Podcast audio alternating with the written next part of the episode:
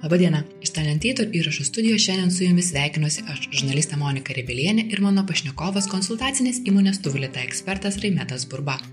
Darbuotojų saugos ir sveikatos ekspertai studiją pasikvietėme, kad sužinotume, kas visgi labiausiai įmonėje yra atsakingas už darbuotojų saugą ir sveikatą. Jei mūsų pokalbių kambarį užsukote pirmą kartą, kviečiame po jį pasidaryti labiau ir nepamiršti čia užsukti ateityje. Visi pokalbių įrašai taip pat talpinami mūsų internetinėme puslapyje talentator.com ir Talentator bendruomenės mokymų platformoje trainingtalentator.com. Naujam susitikimui įkvepia klausimai, kurie aktualūs šiandien daugeliui. Kur prasideda ir baigėsi darbuotojų sauga įmonėje?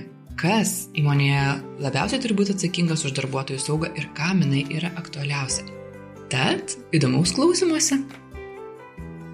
Gerai, tada savo pokalbį ir pradėsim nuo tokios šiuolaikiškos, aktualios, įmonėms turbūt labai svarbios temos, tai kasgi atsakys už darbę gamybinio roboto sužįstą darbuotoją? Jo, tikrai klausimas šiek tiek lenkintis laikmetį. Jeigu ateis laikai, kuomet robotai pakeis darbuotojus ir darbdavius ir robotai mokės mokesčius, tai aišku, patys robotai ir susimokės už tą žalą, kurią padarė darbuotojai. Bet jeigu rimtai, tai aišku, kad visuomet yra atsakingas darbdavys. Į robotą reikia žiūrėti kaip į šiek tiek sudėtingesnį šiuolaikinės technikos elementą, darbo priemonę, kuris e, šiek tiek daugiau judesių atlieka negu kad staklės. Ir e, jeigu robotas sužalos darbuotoją, tai lygiai tas pats, kas darbuotojas įkištų rankas į staklės ir ten savo prisidarytų bėdos. Tai atitinkamai ir atsakymai visuomet yra, kad už kiekvieną darbuotoją yra atsakingas jo darbdavys, su kuriuo jis turi darbo sutartį. Kas be atsitiktų, visais atvejais atsakomybė tenka jo darbdaviui. Ir klausimas yra, ką padarė darbdavys, kad taip neatsitiktų. Ir jeigu įvykis atsitiko, reiškia, kažko darbdavys nepadarė iki galo arba padarė ne taip, kalbant apie robotus, greičiausiai per daug pasitikėjo tais, kurie įrengė tą darbo vietą ir netliko tam tikrų gal ir papildomų saugumo testų, nepaprašė sertifikatų ar trečios šalies patvirtinimų, dėl ko darbuotojas patekęs į roboto darbo zoną, tą robotą suaktyvino arba jis pats, arba kolega iš kitos darbo vietos, kas dažniausiai būna. Tai yra grinai žmogiškos klaidos. Tai žmogiškasis faktorius. Taip.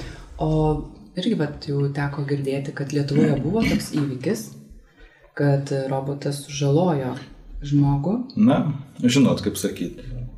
E, tai nėra iki galo patvirtinta informacija, nes e, ne visuomet yra aišku, kada baigėsi sudėtingas renginys su tam tikru programiniu valdymu, kada jau prasideda robotas. Mm. Tai šitoje vietoje, kadangi tokio kaip roboto tyriant įvykius nėra identifikuojama, nėra tokio pasirinkimo kriterijaus ir dabar atsekti, kad tai buvo robotas yra gan sudėtinga, bet faktas, kad iš esmės, kaip be pavadinsi, tai yra įrenginys prispaudžia žmogų.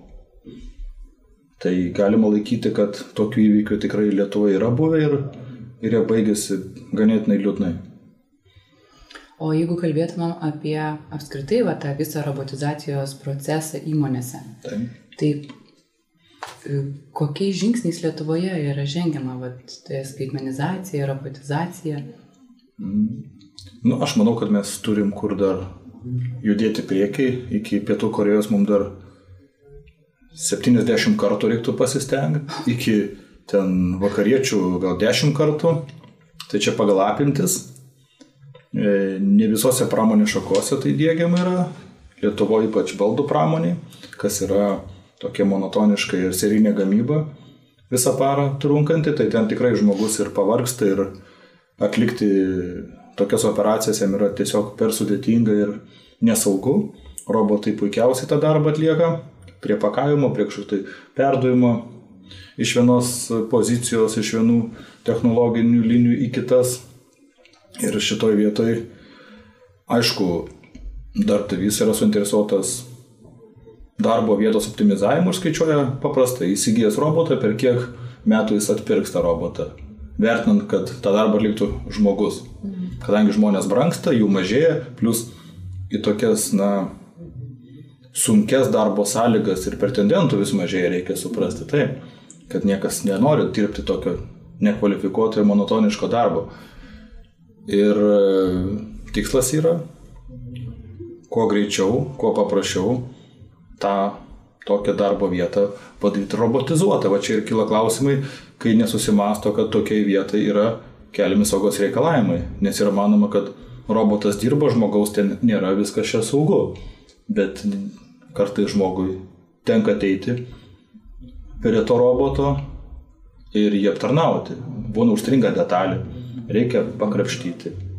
Ir kai tai atlieka žmogus ir sistema nėra tinkamai mm, suprojektuota, saugos elementai, tarkim, net pažįsta tokio pašaliečio buvimo šalia, robotas gali netikėtai įjungti ir pridaryti žalos, prispausdama žmogų kažkur. Bet dabar aš vat klausau ir galvoju, tarkim, įmonės robotus perkasi tam, kad norėtų susiaurinti, sumažinti savo išlaidas, ar ne? Taip. O gaunasi tada taip, kad vis tiek prie to roboto turi stovėti žmogus, kurio yra aukštesnė kvalifikacija negu vidutinė, kad jis jį suprastų ir perprastų. Be abejo. Tai čia tas taupimas, jisai Na, matot. toks labai labai slidus ir sąlyginis. Nu, sunku pasakyti, vis tiek atsiperkamumas yra tam tikri metai, ten penki gal metai, gal ir trumpiau. Ir šitoj vietoj vis vien yra darbo greitis, našumas žymiai didesnis negu žmogaus. Ir aptarnaujantis personalas yra dabar paklausoj, kurie išmano automatiką, robotiką. Ir aš manau, kad ir atitinkamai žmonės, kurie dar svarsto, kas ateityje bus perspektyvų, mhm. Turėtų gerai apie tai pagalvoti. Informatika plus mechatronika plus dirbtinis intelektas, tai yra robotai, kurie patys savaime mokysis, tai čia dar kiti yra iššūkiai robotai, kurie dirbs kartu su žmogum vienoje darbo vietoje, kuomet žmogus nebus užtvertas tvora kaip įprasta dabar pramoninėse robotuose, bet dirbs kartu su robotu ir, sakyti, iš savo rankos perduos robotui į roboto ranką ir, ir atvirkščiai. Ir kaip užtikrinti, kad tam robotui neužplauktų kažkoks neprognozuojamas judesys ir staigių mostų nešvysteltų tam darbuotojui į tam tikrą kūno dalį kas gali pasibaigti labai rimtai.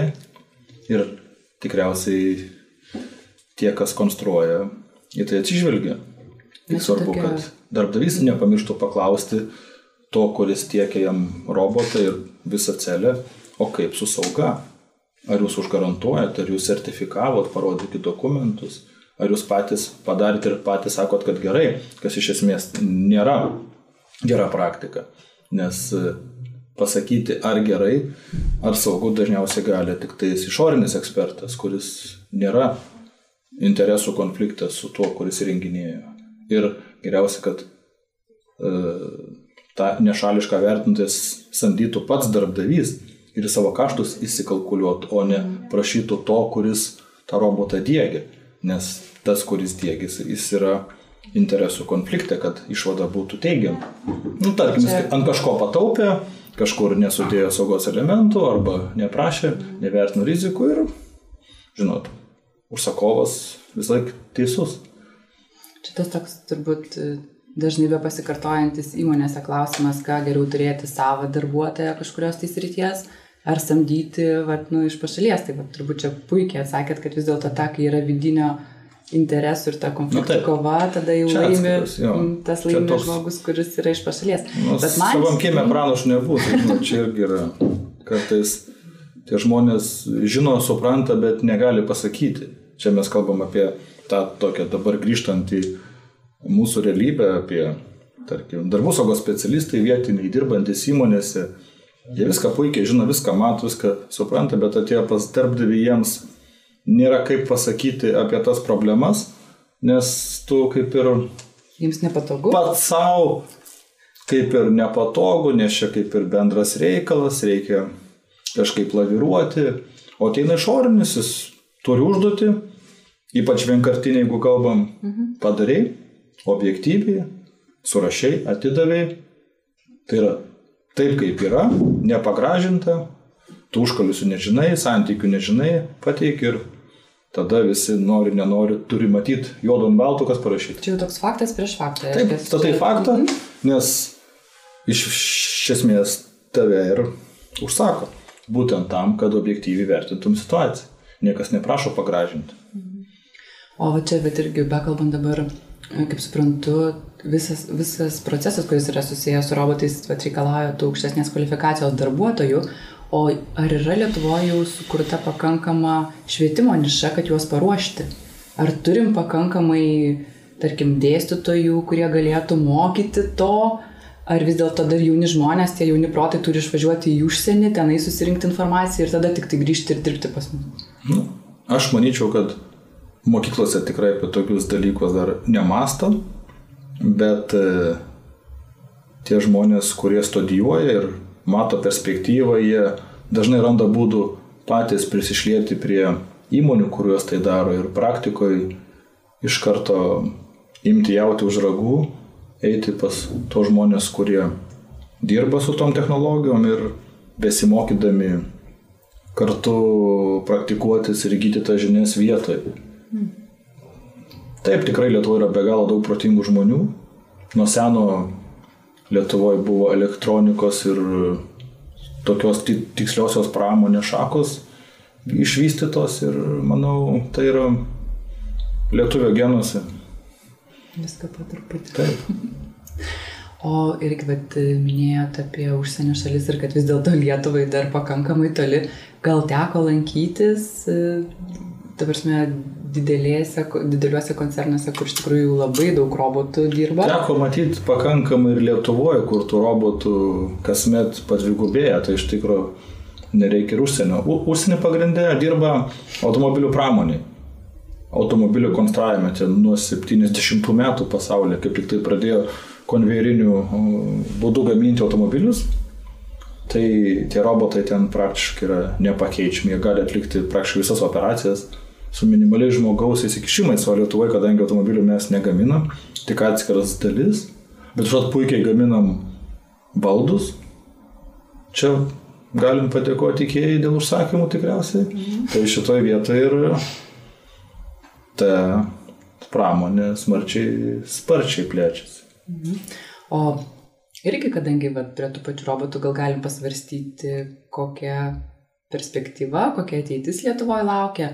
E, kokį vaidmenį suvaidins dirbtinis intelektas? Na, čia klausimas toks ateities. Aišku, kad jisai neišvengiamai bus panaudojamas ir darbuotojų saugos ir sveikatos rytyje. Ypatingai tikriausiai bus pažanga su vaizdo stebėjimo technologijom, kur darbuotojus nedėvinčius, tarkim, apsaugos priemonių arba nesaugiai besielgiančius bus galima identifikuoti ir atitinkamai imtis priemonių čia ir dabar. Aišku, tai labai kils konfliktų su asmens duomenų apsauga, neišvengiamai, bet vardan saugumo tų pačių žmonių, manau, kad technologijos įsiverš į mūsų gyvenimus ir tokių stebinčių mūsų darbus bus pakankamai daug. Aišku, ar mes jausimės laisvai, ar tai patiks, nepatiks, čia gal klausimas kitas bet vis e, simuliuoti, e, praleisti tam tikrus svarbius su sauga susijusius etapus gali būti žmonėm sunkiau arba tiesiog nebeįmanoma. Tai vad, manau, tokios tendencijos ir dirbtinis intelektas mokysis ir sugebės atpažinti žmogaus nesaugų elgesį dar prieš įvykstant nelaimingim atsitikimui. O, va, irgi, nežinau, čia jau iš jūsų srities tas klausimas, bet dabar galvoju, tarkim, kai atsistoja vienoje pusėje duomenų apsauga, o kitoje pusėje darbuotojo įmonėje sauga, tai tarsi žmogiškai ir logiškai mąstant, kad didesnį svertą turėtų turėti žmogaus nu, apsauga taip. negu žmogaus duomenų apsauga. Na taip. Jeigu nelik žmogaus, tai ir jo duomenų nereikia saugoti. Tai čia, manyčiau, nereikia daryti kompromisų su sauga Tiesiog pats žmogus turėtų pajusti naudą ir dėkoti, kad tos technologijos padeda jam sugrįžti iš darbo sveikam ir sėsti su šeima prie vakarienės stalo. Mhm, nes tai yra tikslas, tai. Labai gerai pasakėt, turėtų. Turėtų.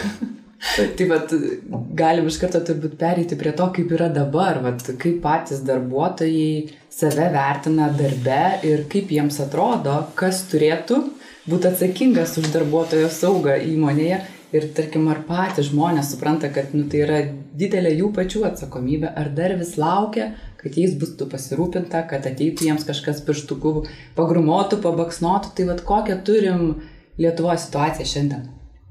Labai klausimas toksai suktas iš tikrųjų ir galima taip paprastai pasakyti, kad daugumoje įmonių darbuotojai jie tikriausiai iki galo ir nesupranta iš vis darbuotojų saugos ir sveikatos e, svarbumo ir mano, kad tai yra savaime suprantami dalykai.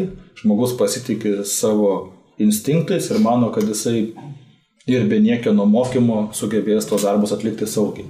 Bet šitoj vietoje smarkiai yra klystama, nes e, saugaus darbo metodai nėra instinktais paremti, jie nėra įgimti, yra labiau išmokstami per skaudžią patirtį, bet tada būna per vėlų, kas yra irgi blogai. Ir yra jau įrodyta, kad ta elgsena formuoja tikrai ir ne tie dokumentai, su kuriais žmogus yra supažindinamas, daugiau tai formuoja praktiniai mokymai, motivacinės priemonės, kuomet žmogus ima suvokti, kad jis pats yra labiausiai atsakingas už saugą, jis ima suvokti, kad turi teisę reikalauti sąlygų į saugų darbą, kuo darbdaviai piknaudžiauja, nes darbuotojai natūraliai stengiasi darbus atlikti kuo paprasčiau, kuo greičiau, praleisti tam tikrus svarbius e, etapus, kurie yra gyvybiškai svarbi, svarbus saugiam darbui. Ir darbdaviai klaidingai mano, kad darbuotojai turėdami žinias ir patirtį prieš tai buvusiose darbovietėse arba mokslus, išsilavinimą, supranta saugą iš, iš suolo, iš paskaitų, nors iš tikrųjų tai vėlgi yra didžiulė klaida. Darbdavys e, įsivaizduoja, kad pakanka supažindinti su saugos reikalavimais, instrukcijom. Dažniausiai, aišku, tai užtrunka labai trumpai ir apsiriboja parašo padėjimu. Darbuotojas mano, daug lapų, kad, kad čia yra formalumas, na, darbų sauga taip tiesiog yra išreiškiama kaip, na, tokia formali priemonė, kad žmogus galėtų padėti dirbti, jam reikia pasirašyti po instrukcijų. Ir tai formuoja nuomonę, kad darbų sauga tinkama yra kažkur ten dešimta koja. Ir aišku, tai ta žinia ateina iš darbdavio, atsakingos mens, kuriam ta funkcija pavesta.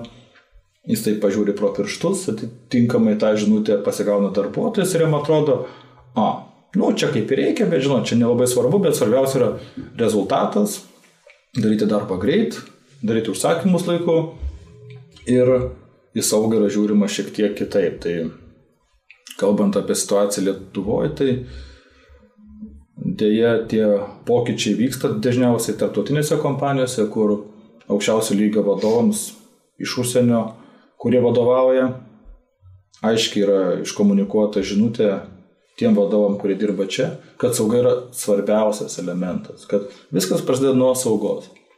Tai kai tie vadovai tą žinutę įsisamonina savo ir supranta, kad čia yra rimta, kad bus didelių problemų, jeigu įvyks kažkokia nelaimė, Jie tada ima formuoti tam tikrą kultūrą įmonėse, politiką ir priemonės savo vidutinio rango vadovams, kad jie maksimaliai dėtų pastangas, kad jų darbuotojai dirbtų saugiai.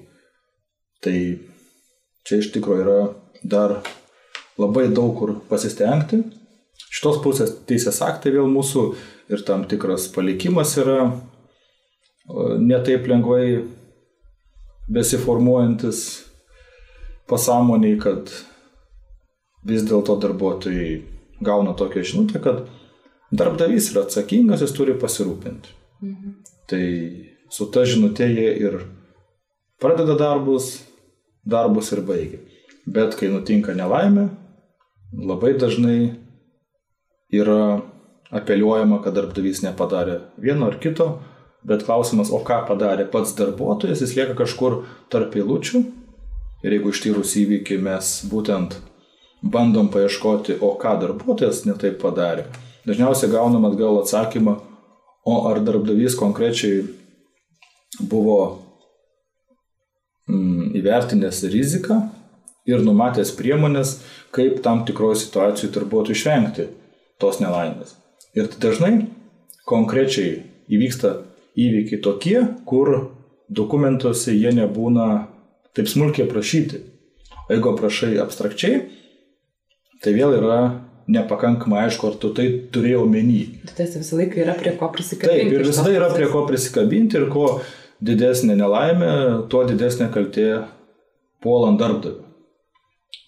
Tai iš vienos pusės darbdaviam yra žinia, kad visuomet reikia būti budriem ir stengtis daryti maksimumą ir kuo mažiau palikti nevertintos rizikos ar nenumatytų e, prevencijos priemonių, o darbuotojams aš tiesiai šviesiai sakau, jūs dirbdami niekada negalvokit, kas bus atsakingas, kai jums kažkas atsitiks.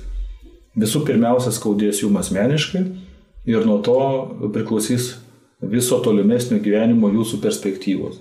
Jeigu tu esi darbingo amžiaus žmogus su dviem rankom ir jeigu įsivaizduok liksi be vienos rankos arba be vienos akies, ar tu galėsi tą darbą tęsti ir e, tavo gyvenimas bus toks pat kaip iki šiol. Ar tavo paskolos bankai, kreditai ir visos svajonės bus išpildytos. Tikriausiai, kad be tam tikrų svarbių kūno dalių taps nelabai vertingas darbo rinkoje ir atitinkamai gyvenimo kokybė pablogės. O kas ten bus atsakingas formaliai ir neformaliai, kokią baudą gaus darbdavys ar kokį papeikimą, tau tas mažiausiai turėtų rūpėti kaip darbuotojai. Tai va tokią žinutę reiktų žmonėms tiesiog. Tai va, tada turbūt ir sekantis klausimas būtų, jeigu režisierius Stanislavskis sakė, kad teatras prasideda nuo rūbinės, Tai darbų sauga, realiai, va, tai va, jeigu labai žmogiškai ir suprantamai darbuotojams paaiškinus, tai prasideda nuo įėjimo į tavo darbą pro duris.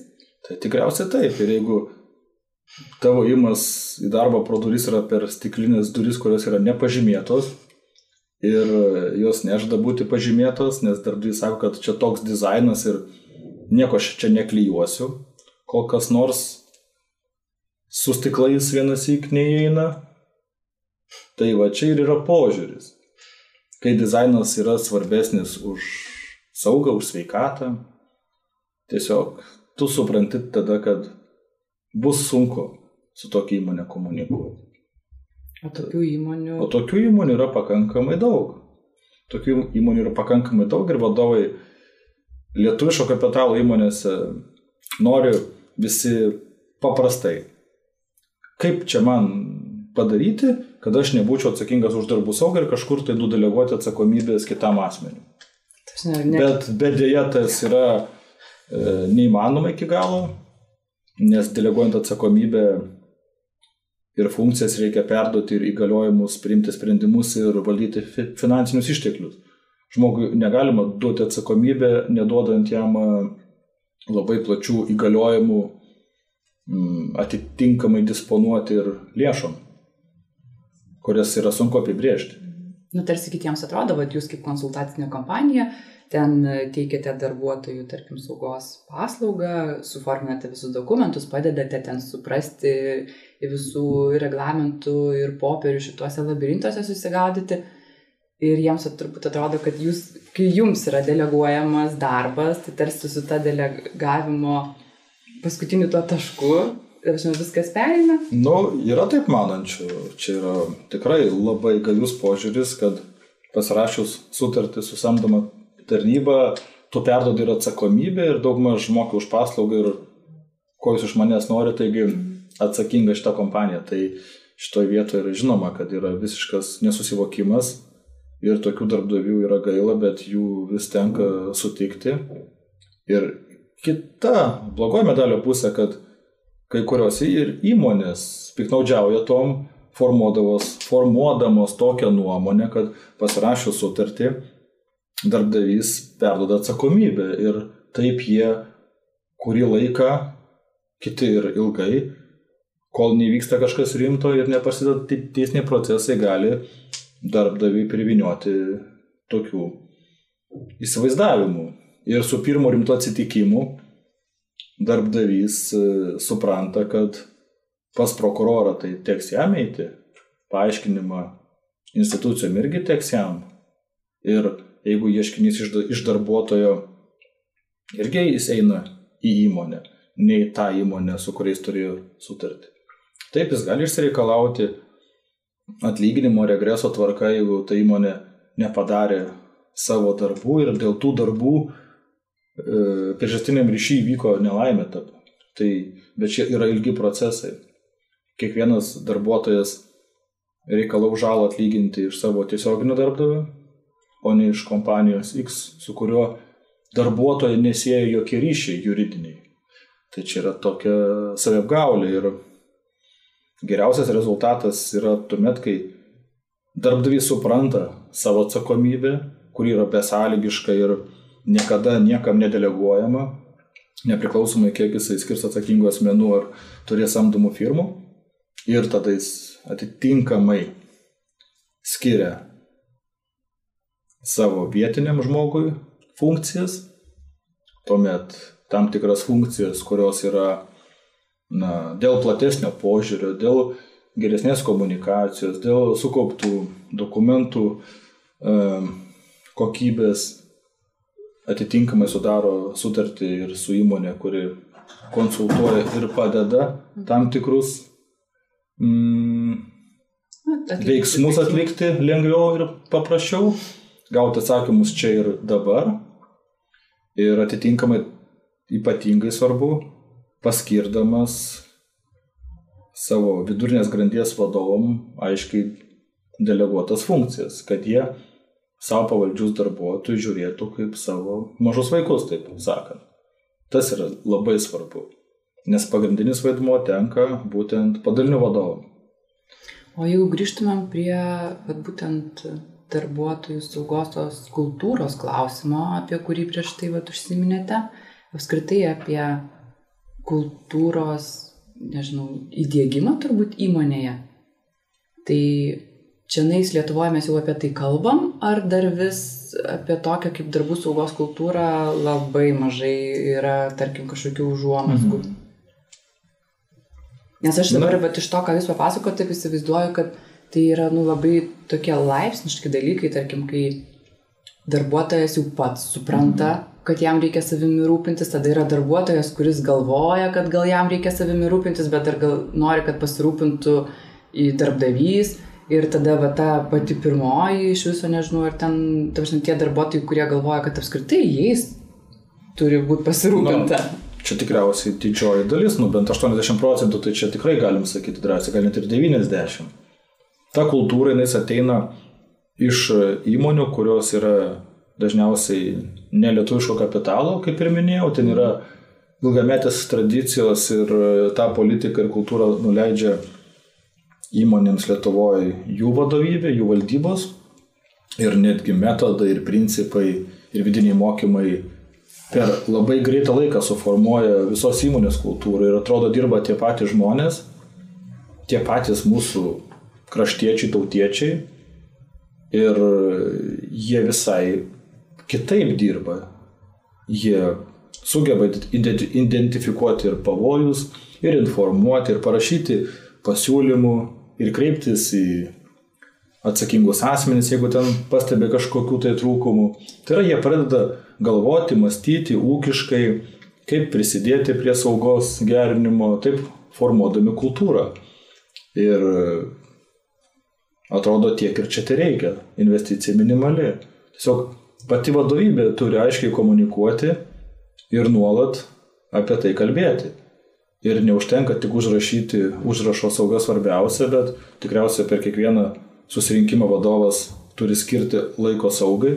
Geriausia, kad nuo to ir prasidėtų kalbėjimai. vidurinės grandies vadovai su savo darbuotojais, darydami susirinkimus irgi apie tai turi kalbėti. Ir tas turi būti matoma ir jie turi pavyzdį teikti. Jeigu reikalauja iš visų dėvėti tam tikras priemonės, tai ir patys vadovai turės dėvėti ir taip toliau. Kad tai nebūtų tik tai tušti žodžiai. Ir tada ta kultūra po trupučiuką formuojasi. O dabar, bet ir galvoju, gal galėtumėt sugriauti kelis mitus apie apskritai va, darbų saugą, nes dabar jūsų beklausant, kartais galvoju su žmonėm, kai pradedi kalbėti apie darbuotojų saugą ir jis sako, oi, man tai čia neaktualu, čia aktualu tik statybininkam ir gamybininkam. Na, žinot, bet kokia darbo vieta, jin turi tam tikras rizikas, aišku, yra darbų, kur rizika yra didesnė ir atitinkamai kur mažesnė. Tai čia faktas. Bet darbų, kur iš vis nėra rizikos, tiesiog neegzistuoja. Ta reikia suprasti, kad nulinė rizika neegzistuoja. Ir kiekvienas darbuotojas, nesvarbu kur bedirbtų, pirmiausia, tai turėtų tas rizikas gerai žinoti. Aišku, yra darbdavio pareiga iškomunikuoti darbuotojui ir supažindinti. Ir kuomet žmogus, blogiausiai, kai jis nemoka identifikuoti rizikų ir nesupranta, iš kur gali kilti pavojai Tai tikriausiai, na, darbdaviui yra savaime suprantama, kad žmogus ten 25 metų ar 30 atėjęs į darbą, jam nereikia aiškinti, jeigu jis pamato iškritusią rozetę su laidais, kad tu neik plikom rankom jos atgal nekišk ir nebandyk tikrinti įtampos. Bet gali pasitaikyti ir tokiu atveju, kad žmogus su to dalyku gyvenime yra nesusidūręs, kažkur padebesiais krajoja, eis ir prilips prie tos rozetės ir jisai nuoširdžiai sakys, jeigu dar galės ir pajėgs sakyti, kad aš tikrai nežinojau, kad čia dar elektra teka rozetėse. Na, iš kur jam žinoti? Ir logiškai žiūrint teisiškai dabar, jeigu darbdavys nebus darbuotojų supažindinės, kad tokie pavojai egzistuoja ir nebus aprašęs e, tų pavojų ir nustatęs darbuotojo kažkokiu tai prievolių, kad jeigu jis tokį daiktą pamato, turi nesiartinti ir informuoti tą ir tą, nes jeigu artinsis ir netinkamai prisilies, įvyks tas ir tas. Ir žmogus tą turėtų jau kaip ir žinoti, bet tai atspindės, ar buvo jo parašas po dokumentų, kurį išleido darbdavys. Tai toks jau, jeigu tu susipažinai, tai viskas gerai. Na, išeitų taip. Tai tas aišku ir formuoja tą blogąją nuomonę, kad kai mes esam išmokyti ir žinom, kad jeigu darbuotojas pasirašė ir ten, tam dokumente, po kurio pasirašė, yra tai numatyta, tai reiškia kažkam įvykus, darbdavys gali sakyti, o, žiūrėkit, buvo parašyta, kad taip daryti negalima. Bet ar darbuotojas padėjo parašą, ar skaitė, ar jisai žinojo, ar suprato, ar suvokė, kol kas tokių klausimų mes dar neužduodam. Bet kaip matom, dažnai tas būna tik parašas, O paskui būna tiesiog formalus atsakomybės nusėmimas nuo savęs. O ar tie visi reikalavimai, reglamentavimai keičiasi besikeičiant kartoms ir kartų, tarkim, įpročiams? Ar yra atsižvelgiama į tai, kad naujoji karta nebeperskaito A4 formato, kad jie apskritai beveik nebeskaito? Ir jeigu dar yra kas nors pasmulkinta, tai jie tomis smulkiamis raidėmis niekada neperskaitys, nes jau jiems yra per daug. Čia, taip, čia yra didžiulė problema ir aišku, teisės aktai negali spėti pagal kartų pokyčius, tiesiog tie darbdaviai, kurie supranta ir mato, kad tos priemonės yra nebeefektyvios su daug lapų, jie bando investuoti į vizualizacijas, į tam tikrą sutrumpinimą arba pateikimą interaktyvesniom formom ir darbuotojams tai yra labiau priimtina. Bet vienaip ar kitaip rašytinė informacija visada yra tokia, sakyčiau, aiškiausia, nes paveikslėlį gali, gali interpretuoti, ten nesuformuosi iš to kažkokio tai aiškaus apibrėžimo ir, nu, čia nori, tu nenori, arba turi daug su žmonėm kalbėtis, arba duoti daug skaityti. O tarpinis variantas yra žiūrėti paveikslėlius. Na, čia yra toksai, žinot, žmogaus noras kuo paprasčiau įsisavinti viską. Čia žinot, kaip sakyti, kaip ir kuo skiriasi katalikai nuo, nuo pravoslavų. Vieniems patinka skaityti, kitiems atėjus patinka žiūrėti paveikslus. Tai... Taip, taip. O jūsų vat, pačio kaip eksperto patirtis, apskritai galėtume gal pakalbėti, kaip, kaip pasirinko tokią veiklos rytį? Nu, čia tikrai studijuodamas tiksliosius mokslus neturėjau minčių dirbti tokio, tiesiog natūraliai taip gavosi. Studijų laikais buvo galimybė išvažiuoti į Vokietiją praktikai ir praktikos metu būtent ir teko iš arčiau pamatyti e, būtent ką daro TUFas. Viskas, ką daro vienai par kitaip susijęs su sauga. Ar tai tikrina liftą, ar tai kraną, ar tai slėginį indą, ar tai įmonė inspektuoja, ar tai kokybės sistemas dėgia. Na ir tinkamai grįžus į Lietuvą buvo galimybė tą veiklą vienai par kitaip tęsti, na ir užsikabinom. Ir darbų sauga apima savyje labai daug sričių ir techninių, ir teisinių, ir žmogiškų, ir joje niekada nėra nuobodu. Tai manau, kad šita veikla žmogui, kuris mėgsta nuolat kažką tai besikeičiančio ir nepastovaus ir visuomet supranti, kad niekada iki galo nežinosi tos rytį visko, nes viskas keičiasi, tendencijos, žmonės, kultūra, yra noras tobulėti, sukauptas žinias perduoti kitiems. Mhm. O su darbuotojų stygiumi, nežinau, ar kaip tik gal dabar jų, yra labai daug, ar įmonės randa darbų, vadintamsime, darbuotojų saugos kvalifikacijas aukštas turinčių specialistų, kurie, tarkim, irgi po to galėtų apmokyti, ar vis dėlto mieliau renkasi konsultacinės kompanijos, su kuriamis sudaro sutartis ir tada jau kažkaip tarsi atsiriboja save, vat, kad jie viduje neturi žmogaus ir jie vat, ima paslaugą iš išorės. Jo. Nu, matot, mes visuomet e, ėjom tuo keliu, kad aiškiai deklaruodavom užsakovui, kad mes vieni nieko čia nepadarysim. Kad turi būti įmonė irgi paskirtas asmuo, nesvarbu. Pilnu etatu, nepilnu, priskirtas, sugretintos funkcijos, kuris būtinai turi būti vietoje. Mes tik tai dirbdami kartu su juo galim pasiekti tam tikrą rezultatą. Atėjo laikas, kuomet darbdaviai pamanė, kad gali pataupyti ir samdyti vien tik įmonės, o įmonės, kurios aišku puikiai supranta, kad to negana, nes yra aiškiai deklaruoti tam tikri žmonių e, sakyt, resursų dydžiai priklausomai nuo įmonės veiklos ir darbuotojų skaičiaus, tai čia nieko neapgausi. Bet, žinot, galima kai kada užsakovui nutilėti, nes manoma, kad jeigu bus vietinis žmogus, atsiras konkurencija, kas kurį. Tai buvo nuita prieš kokį tai dešimtmetį gal to keliu, kad buvo atsisakoma vietinių specialistų perdama prie samdomų tarnybų, bet prieš kokį trejata metų vėlgi pastebimos tendencijos, kad įmonė sugrįžta atgal prie specialistų, nes mato, kad tai nėra tas rezultatas, kurio tikėjusi. Ta rezultatą ta rodo nelaimingo atsitikimo statistika tiesiog. Tai rizika yra per didelė ir savo žmogus kartu su mm, samdomos tarnybos specialistais gali padaryti žymiai daugiau negu kažkuris iš jų po vieną.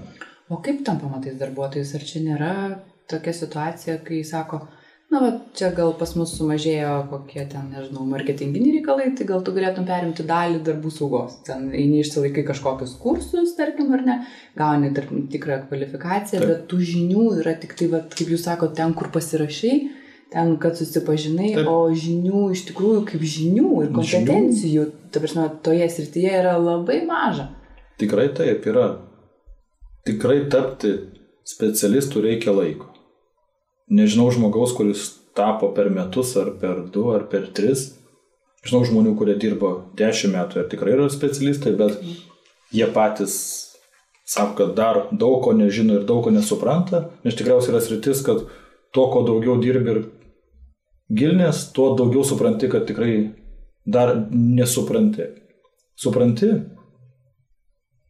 tam tikrus principus, žinai, kur ieškoti informacijos, žinai teisės aktų reikalavimus, žinai, kur kas reglamentuojasi, bet e, kai atsiranda praktinis pritaikymas, tikrai kyla labai daug klausimų. Tai šitoj vietoj vėlgi, norint dirbti gamybinį įmonį, be inžinierinio išsilavinimo yra tikrai sunku išsiversti. Anksčiau buvo prievalė, kad e, žmogus, kuris dirba gamybinės rytyje, turėtų techninį išsilavinimą.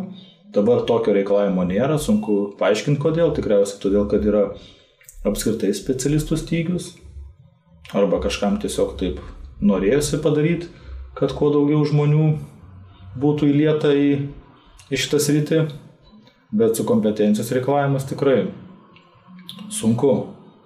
Sunku žmogui, kuris nėra gavęs techninių mokslų, dirbti gamybinį įmonį prie rengimų ir suvokti, kaip jie čia dirba ir iš ko ta kyla grėsmė. Tai prasme, jeigu nesuvokia tam tikrų fizinių procesų, nesupranta kaip tie dalykai vyksta, pažiūrėjau, ten koks suvirinimas. Jis gali atitinkamai ir nesuvokti, kokias rizikas kelia.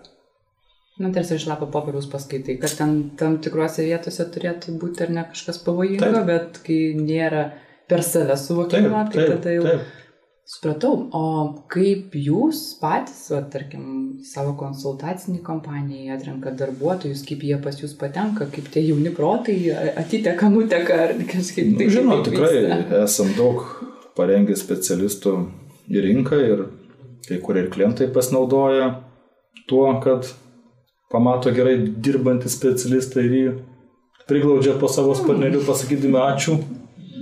Tikrai labai gaila bet e, nereikia čia iš tikrųjų dėl to per daug viršlenti, tiesiog reikia žiūrėti į priekį ir manyti, kad e, tie specialistai jauni taipogi auga, juos e, reikia užauginti laiko, yra senų patyrusių specialistų komanda, kuri gali įlieti, padėti įsilieti naujam specialistui, perduoti tas žinias Aišku, reikia pačiam labai daug savarankiškai mokytis.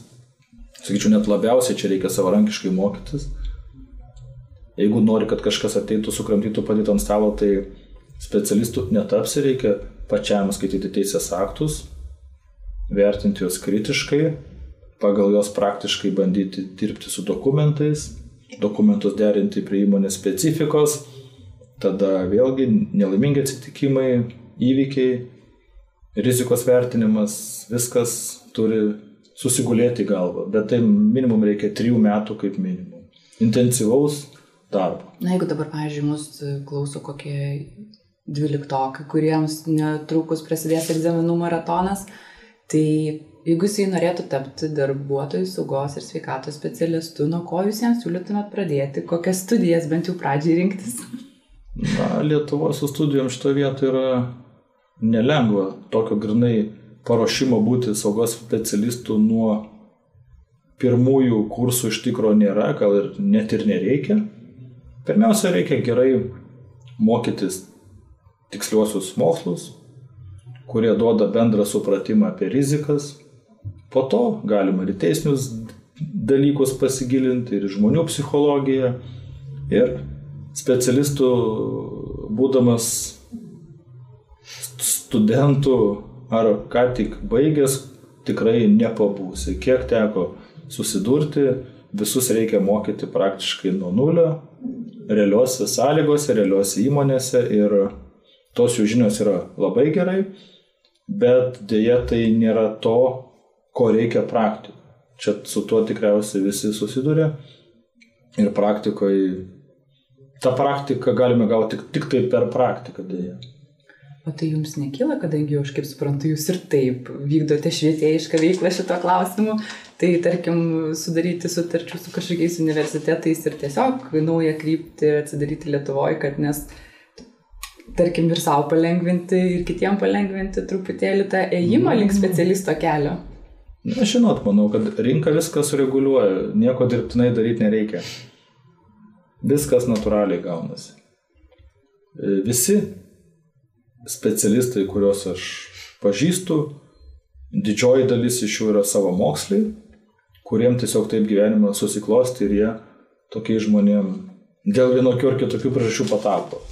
Kiekvieno istorijos yra skirtingos ir dabar kryptingai pradėti ruošti specialistus nuo suolo yra per daug rizikinga, nes yra pašaukimas, gal net labiau negu specializacija. Mhm. Ir labai svarbu dar pabrėžti tai, kad mm, žmogiškos savybės daug ką lemia. Komunikacija, ypač dirbant su klientais. Būti vietiniu specialistu yra viena, būti specialistu, kuris dirba su įmonėmis plačiau, kaip ir paslaugos teikėjas, yra visai kas kita. Galima sakyti, kad komunikacija yra vienas pagrindinių dalykų. Jo teisinės žinios, techninės žinios yra labai svarbu, bet jeigu jis nemoka to iškomunikuoti, pertikti klientui savo suvokimo ir pasiūlyti tas idėjas įdėkti, įtikinti savo teisingumu, nes tikslas yra vienas - padaryti taip, kad žmonės dirbtų saugiau, Jisai Jūs, turi. Jūs dar reikia, atsiprašau, kad pertraukiu, įtikinėti. Va, čia yra kitas klausimas. Irgi įdomus, kad užsakovai samdo paslaugą ir dažniausiai juos reikia įtikinti, kad ta paslauga būtų realizuota su tam tikru tikslu, įdėti papildomai pastangų. Nes gaunasi, kad pirmiausia, darbdavys turi lūkesti, kad samdydamas kompanijas išsispręs savo problemas ir jam nereikės to rūpintis. Bet kai ateina kompanija ir sako, mes turim labai daug pastebėjimų pirmiausia, kad reikia sustvarkyti, o sutvarkyti tai reikia pačiam darbdaviui, tai kainuoja laiko ir pinigų. Pirma problema, aš moku už paslaugą, dar man reikia kažką daryti. Ir antra, kai mes sustvarkom bazinius dalykus, tada mes einam link kultūros dėgymo. Tai dar kitas klausimas. Ir tam reikia nuolat laiko. Ir padalinių vadovai turi nuolat skirtam dėmesį. O žinot, jeigu yra požiūris, tu netrukdyk tų žmonių, kurie man uždirba pinigus, tau reikia tu ir pasidaryk. Na ką tu gali pasidaryti? Tu gali paruošti dokumentą, įduoti sekretoriai, kad jin suteiktų jam numerį ir toliau jau darbas, kaip sakyt, tavo ir baigėsi. Tu negali prie kiekvieno žmogaus ir jį pasiemęs, atitraukęs po valandą su juo kalbėtis ir instruktuoja. Tai yra jau nebe specialisto darbas.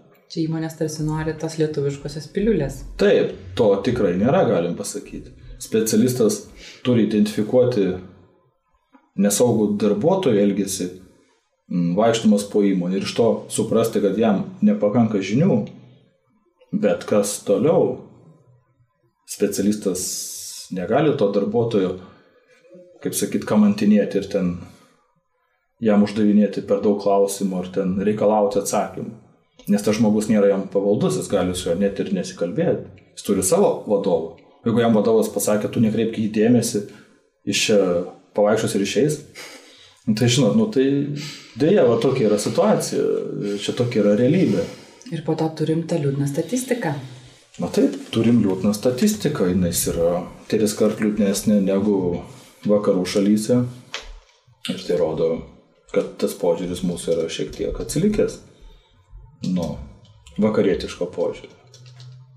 O jeigu va dabar galvoju, kaip apie darbdavius, kaip ir suprantama, ką jie turi daryti. Bet ko turėtų reikalauti iš darbdavio darbuotojas? Va tas toks, jeigu mes paimtumėm pakankamai sąmoningą žmogų, kuris nori saugiai jausti savo darbo vietoje, nori iš, į ją ateiti ir išeiti iš jos saugus, tai vad gal galėtumėt pasidalinti savo išvalgomis, ko pats darbuotojas turėtų reikalauti, tarkim, iš savo darbdavio paėmus kokias, nu, tarkim, statybų sektorių, gamybos, tarkim, apie baldus kalbėjot, baldų sektorių ir dar kokį vieną, nežinau, tarkim, kokie čia Lietuvoje prekybos galbūt centrų. Ne, čia, čia nėra skirtumo šiaip. Iš esmės, manau, kad tas klausimas toks yra, nežinau, atrodo, kad liktai dar nesusibrendę žmonės yra net tokio klausimo užduoti savo. Tiesiog žmonės tikriausiai tokį klausimą savo neužduoda. Pavyzdys yra paprastas, žmonės eina į darbo pokalbius, nu, ta, tarkim, sritis gamyba, ten, kur yra rizikos, statyba, gamyba, staklės, įvairūs pramonės objektai ir aš nesu girdėjęs atveju, kad žmogus atėjęs ten derasi dėl sąlygų, o sąlygos tai yra darbo užmokestis, kai užklaustų, o kaip pas jūs tenais su darbo rūbais, su darbo saugos priemonėm, tai čia pačiam atsinešti, ar čia perkat, kokios firmos perkat, ar duodat pasibandyti, ar jos patogios. Mm, ar žmonės tokių klausimų užduoda? Tikriausiai gal tarp eilučių ir kažkur, jeigu išprovokuoja ir užklausia ir pasidomi, bet visumoje tikriausiai žmonės net nesutomi tokių klausimų, nes jiems sauga atrodo čia savaime suprantamas dalykas. O kad kiekvienam darbė slypia tam tikri pavojai, yra tikimybė jam iš to darbo nesugrįžti ir nesulaukti to pirmo atlyginimo, nes statistika yra bjauri, kad pirmaisiais darbo metais penkis kartus žmonės susižaloja dažniau darbe negu įprasta. Penkis kartus, tai na, labai didelis rodiklis. Čia dėl būtent dėl patirties tokos? Dėl patirties tokos ir dėl naujos darbo vietos. Nu, žinot, kai žmogus e, per kurį laiką nudega visur nagus, pats ant savo kailio pasimoko, tai jau jeigu išlieka, jau tokiuose sąlygose vėliau tampa paprasčiau. Mhm. Įsitreniruoja tam tikrus refleksus, žino, prie ko liestis, prie ko nesiliesti. Deja, taip yra. Patiriminiu būdu ir jis iš tikrųjų labai dažnai būna skausmingas, nu, tai nu, taip. taip čia tada viskas taip nuosekliai ir susideda. Jo, ir žmonės tikrai nėra reiklus darbdaviams dėl savo saugumo užtikrinimo. Čia įrodymas gali būti pats paprasčiausias, vėlgi su kažko reikia palyginti, tarkim, palyginti galima su vakarietiška kultūra, profesinių sąjungų ir darbuotojų atstovų. Tai jeigu mes atsidarysim Vokietijos, Austrijos, Šveicarijos tinklapius, kur yra darbuotojų profesinės sąjungos šakinis, nu, pavyzdžiui, medienos, metalo, o popieriaus gamybos. Ten atsiverti tinklapyje viešai prieinami, pakankamai informatyvus ir ką aš matau, tai aš matau 90 procentų temų ir klausimų susijusių su darbų sauga.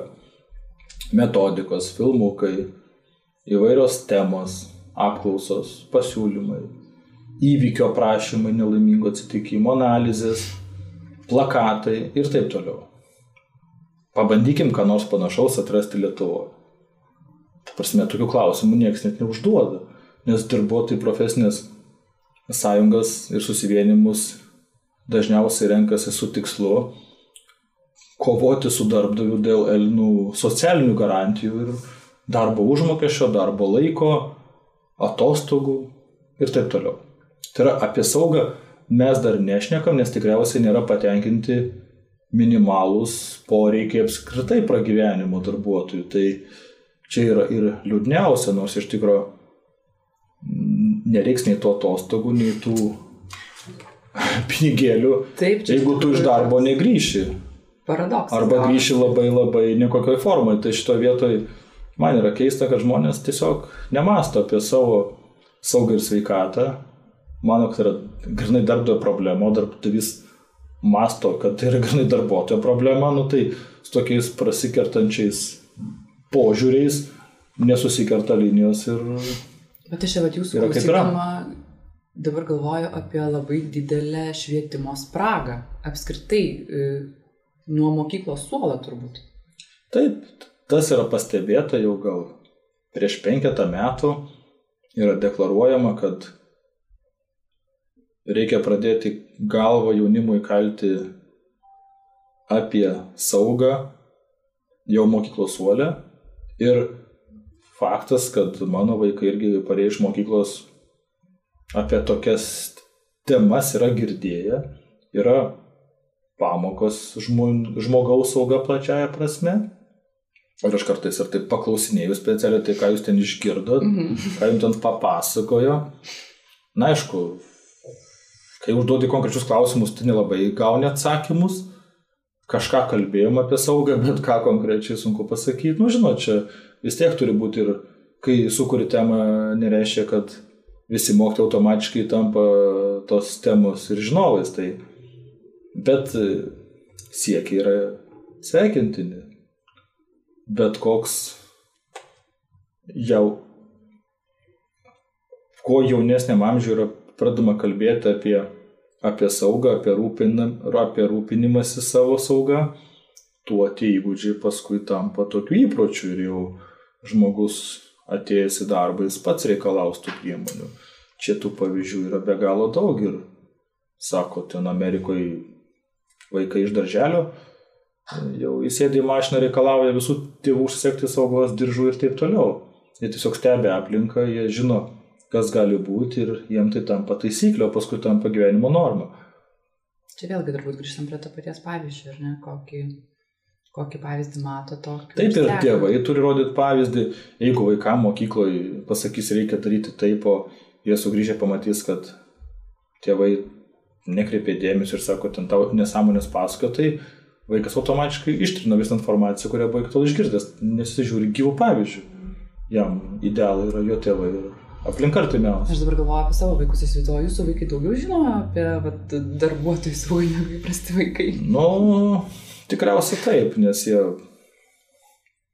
sulaukia mano replikų ir bet kur einant laisvalaukiu mieste, jeigu aš pamatau kažkas kas nesaugiai vyksta, aš negaliu to praleisti, mano jau tiesiog akis tą mato ir komentuoja. Tai čia natūraliai toksai kartais būna profesinis nukreipimas. Nes galvoju, tarkim, nu irgi ten, kas namuose yra ir kuo tenais, nu, tarkim, vaikus supažindini, kur yra pavojingos zonos, bet net įsivaizduoju mokyklai, tai jeigu dar berniukams turbūt yra darbų pamokos, dabar jau ir mergaitėms yra, kuriuose, tarkim, supažindina ten su pavojais galimais. Tai mergaitėms, kai jos pradeda siūti, tai tenais turbūt labai mažai apie tai yra kalbama. Na taip, reikia savo kailių patirti, ką reiškia adata ir, ir ką reiškia virtuviai karšti podai. Taip. Taip, čia kitaip nebus ir ką reiškia lygintuvas ir taip toliau. Tai Tai neišvengiamai. Čia jo, grįžtame apskritai Aš, prie tai, tai. samoningumo, prie šeimos samoningumo, prie pirmiausia tėvų. Jeigu sąmoningi tėvai, tai sąmoningi tėvai užaugina sąmoningus vaikus, Taip. kurie daugmaž bent jau daugiau ten kažkiek ar mažiau vis tiek nusimano tada jau ir toj savisaugos rytyje. Taip, taip savisauga yra labai svarbu, bet pasirodo, mokslininkai nustatė, kad žmogaus racionalus protas nelabai gali įtakoti elgesio nu, čia yra toks mhm. fenomenas, kad žmogus, žinodamas taisyklės, reikalavimus, jis jo žino, jis gali atsakyti į klausimus testo raštu ar žodžiu šimta procentų, bet darbe jo elgsena visai kiti lemia faktoriai. Atvės mes to nepritaikom, visų metodikų nepritaikom taip, praktiškai. Taip, nes žmogaus elgsena lemia ne tas racionalus protas, kuriuo mes pasitikim ir į kurį mes sukišam visą informaciją. Tas e, smegenų dalis, kitaip sakant, kuri lemia elgseną kasdienę, jis vadovaujasi tokiu kažkokiu kitokiu protu, kuris yra, na, nelabai prieinamas. Ar galim taip svarstyti, paprastai. Ar galim svarstyti, čia dėl to yra taip, kad, tarkim, galbūt žmonės, jeigu netlieka tam tikrų saugos veiksmų, jie padaro daugiau darbo ir už tai gauna daugiau atlygio? Ne. Tai čia kita medalio pusė, čia jau taip racionaliai žmogus išskaičiuoja, kad jam apsimoka neslaikyti reikalavimų, o eiti tiesiai prie darbų, už kurios moka. Kiti netgi labai paprastai sako, kodėl aš tą turiu daryti, man už tai nemoka. Tai, žinot, va čia ir prasideda, kad žmogus tiesiog dar pats iš savęs negali rasti motivacijos, kodėl jis turėtų saugiai dirbti. Jam turėtų kažkokie tai uh, elgesio algoritmai galvoj formuotis, kodėl jis turėtų saugiai elgtis. Ar jis pats prieš save įsipareigoja, bet žmonės sunkiai patys prieš save įsipareigoja, jiems reikia įsipareigoti prieš kažką tai, prieš artimą, prieš vaikus, prieš kitus ir jei kažkas nutiks, jis turi pradėti galvoti, kad jam skaudėsis kaip nors, bet kaip kiti aplinkiniai, dėl kurių jisai gyvena ir stengiasi tą situaciją išgyvens. Ir vat, kaip aš ir minėjau, kad tas e, saugaus darbo savoka vieno amerikiečio tokiam metiniam pristatymė, kur susirinkę visi buvo specialistai aiškiai pasakė, saugaus darbo savoka apima darbo pradžią ir pabaigą, kuomet žmogus sugrįžęs namo sėdi prie vakarienės stalo su šeima. Tai yra, čia yra, jeigu jisai sugrįžo ir sėdo prie vakarienės, reiškia darbas buvo atliktas saugiai. Tai yra, na, ne tam tikri etapai saugus, čia biški nesaugiai, čia saugiai, čia gal aš tą žinau, moku, čia teisim, bet tikslas yra nepakliūti, nepakliūti situacijas, dėl kurių jam ta vakarienė galėtų nuplaukti. Vienam vakarui ar visam gyvenimui. Tai tiesiog reikia kažkokį tai dar papildomą dirgiklį turėti sąmoniai, kuris žmogų įpareigotų ir vis primintų kažkoks tai balsas, kad, ei žmogau, palauk, tu čia nerizikuok, čia nejokai. Nu, vad kažkas tokio turėtų būti jo pasąmonį. Tai vad, kaip rasti tą dirgiklį, šiuo metu labai daug dirba mokslininkų ir psichologų. Ir kad nereiktų versti, kad nereiktų bausti, kad nereiktų spausti, kad nereiktų dėti parašą kažkur, bet tai būtų tokia vidinė motivacija sklindanti iš, iš aplinkos, iš, iš vidaus žmogaus, kaip jai užprogramuoti tokiam, bet elgesiu saugiam.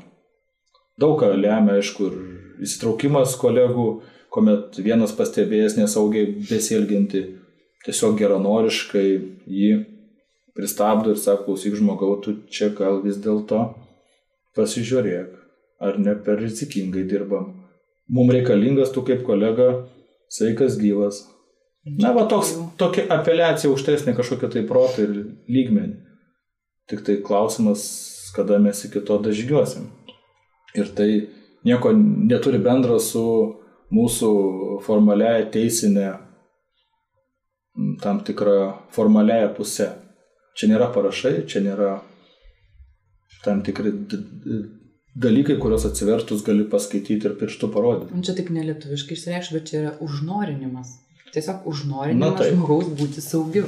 Taip, taip, kažkas tai tokio, kažkas tokio. Ir šitoje vietoje yra tikriausiai ateitis dar laukianti. Kaip žmonės... Ir vėlgi taip prieiname prie to egzistencinio paradokso, kad žmogus savo sveikatą aukoja tam, kad uždirbtų pinigų, o po to pinigus tam, kad atstatytų sveikatą. Na, iš principo teisingai pasakė, čia yra toks, bet iš kitos pusės, sugrįžtant atgal į tuos laikus, kada tai buvo norma, kada už kengsmingą sąlygą žmonėms buvo mokama, Yra žmonių, kurie mano, kad tai labai buvo teisinga forma. Ir kai kas netgi ir klausia, o kaip šiais laikais, kodėl to nėra, nors iš dalies tai irgi yra dar ir mūsų teisės aktuose įtvirtintos tam tikros nuostatos. Už, tarkim, darbas toleruotinas rizikos sąlygom, jis turi būti papildomai kažkaip tai primokamas, patrumpinamas čia natūraliai, aišku, su, suprantama, tas irgi yra reikalinga, ypač darbo laiko režimui, bet e, žmogus sudaro įspūdis, kad jisai dirbdamas nesaugiai gali tikėtis tam tikrų lengvatų, tam tikro priedo, užmokesčio ar dar kažko. Ir kaip ir jo sveikata yra nuperkama, to, tai jis gauna tokią trumpalaikę naudą, bet perspektyvą ilgalaikiai jam tai kainuos N gubai daugiau. Tikrai. Kol atstatys tą sveikatą, jeigu be bus ką atstatinėti. Tai tokių dalykų tiesiog neturi būti leidžiama ir aišku, nereikia tikėtis, kad darbdaviai bus sąmoningi ir žiūrės į savo darbuotojų ilgalaikę perspektyvą, čia nori, nenori, turi valstybė įsikišti. Dėja, bet taip, jeigu būtų darbdaviai sąmoningi ir rūpintosi savo darbuotojų taip natūraliai, perspektyvą, tai būtų kažkiek viskas kitaip. Bet šiaip pažiūrėjus, va, iš tokios visuminės prizmės, tai jeigu patys žmonės būtų samoningesni ir darbuotojo sauga įmonėje taptų prioritetinė, Taip. tai taptų netgi ir tokio kaip turbūt darbdavių motivacinė, motivaciniai skaliai, ta prasme, palipėti aukščiau, kad pas jį žmonės norėtų ateiti. Tai taip, manyčiau taip. Čia būtų siekėmybė. Tai būtų vienas iš tokių kovos dėl darbo jėgos progresyvios metodų, kai aiškiai būtų deklaruojama, kad šito įmonė sauga yra didžiulė vertybė, kad sveikata yra didžiulė vertybė, sveikatinimas yra vertybė ir darbuotojai ne tik žiūrėtų vidutinį darbo užmokestį, bet žiūrėtų ir iš tikrųjų į tą papildomą vertę, kad gal ir gausi vienu kitu eurų mažiau, bet užtat bus sveikesni, nepervargę ir perspektyvoje nereikės investuoti savo sveikatą didelių pinigų. Pabūkit pranašau, kiek metų iki to eisim dar? Nu, matot, čia sunku pranašauti, bet taip žiūrint į kultūrinius skirtumus vakarų, tai dešimčia būtų į taip labai jau idealu, realiai apie 20 metų dar reikia keliauti. Klausimas, kas per 20 metų pavyks e, pajudėti į priekį ten, į ką mes lygiuojamės, gal jie padarys žingsnį, kad mums reikės ir 40 metų vytis. Nes jie gal su progresu pajudės. Nes iš tikrųjų klausimai labai paprasti. Mes čia įmonėse sprendžiam klausimus, kaip darbuotojams nesusižaloti darbę, nu iš principo. Mhm. Kaip ne, nenusižudyti atėjus darbą. Kas atrodo, jau klausimai visiškai yra kažkokio tai akmens amžiaus. Bet mes tokius sprendžiam. O ten klausimai yra susiję su mm, psichosocialinė rizika, su žmogaus e, emocinė būklė, su senesnių darbuotojų, vyresnių e, galimybėmis toliau likti darbo rinkoje, nes visuomenė sensta ir taip toliau. Tai yra, jie sprendžia tokius na, šiuolaikiškus klausimus, kurie yra adekvatus mūsų techniniam galimybėm, visus kitus klausimus išspręsti labai primityviai ir paprastai. Na, jeigu žmogus ten krenta iš aukščio, tai reikia aptverti arba pririšti, na, ta prasme, ir jis nebekris iš aukščio. Bet mes klausimus tiek sprendžiam, kaip tą padaryti, nors viskas seniausiai išrasta ir visos priemonės yra, tik reikės naudoti ten, kur reikia ir tų problemų niekada nebus. Bet va ten yra klausimai susiję su labiau socialiniais, psichologiniais aspektais. Ir jie tam skiria daug lėšų, atlieka studijas, įtraukiant ir akademinę bendruomenę. Tai va ir kai pasižiūrim, man net keista, kodėl mes taip užsibuvom tokiam keistam sąstingiui. Noris tikėti, kad vilties yra, nes jų mokyklose pradedama kalbėti apie emocinį intelektą. Taip. Tai ir čia na jis turbūt po truputį, po truputį, kaip sakė, 10-20 metų ir jau mūsų vaikai turbūt turės visiškai kitokį supratimą. Na, reikia manyti, reikia manyti. Jie tiesiog gal labiau mylės save, o kai žmogus save myli, jis tikriausiai nori ir nepajusti tam tikrų, na, fizinių sukretimų, skausmų, sužalojimų, nes jam norisi dar gyventi ir gyventi pilnavertį gyvenimą. Gerai, tada turbūt tokiais gražiais sakiniais ir pabaigsim mūsų pokalbį. Labai Jums ačiū, labai iš tikrųjų buvo įdomu, pati pagilinau savo žinias, manau ir tie, kurie mūsų klausėsi ir klausysis, dar taip pat sužinos nemažai naujos informacijos ir visiems, ir savo, ir Jums kartu linkiu, kad iš tikrųjų tie 20 metų ateitų daug greičiau. Taip, bent per 5 metus ateitų. Nu, bent truputėlį. Nu, bent šviesėtų padangį. Gerai, tada labai dėkui už pokalbį. Visą. Dėkui.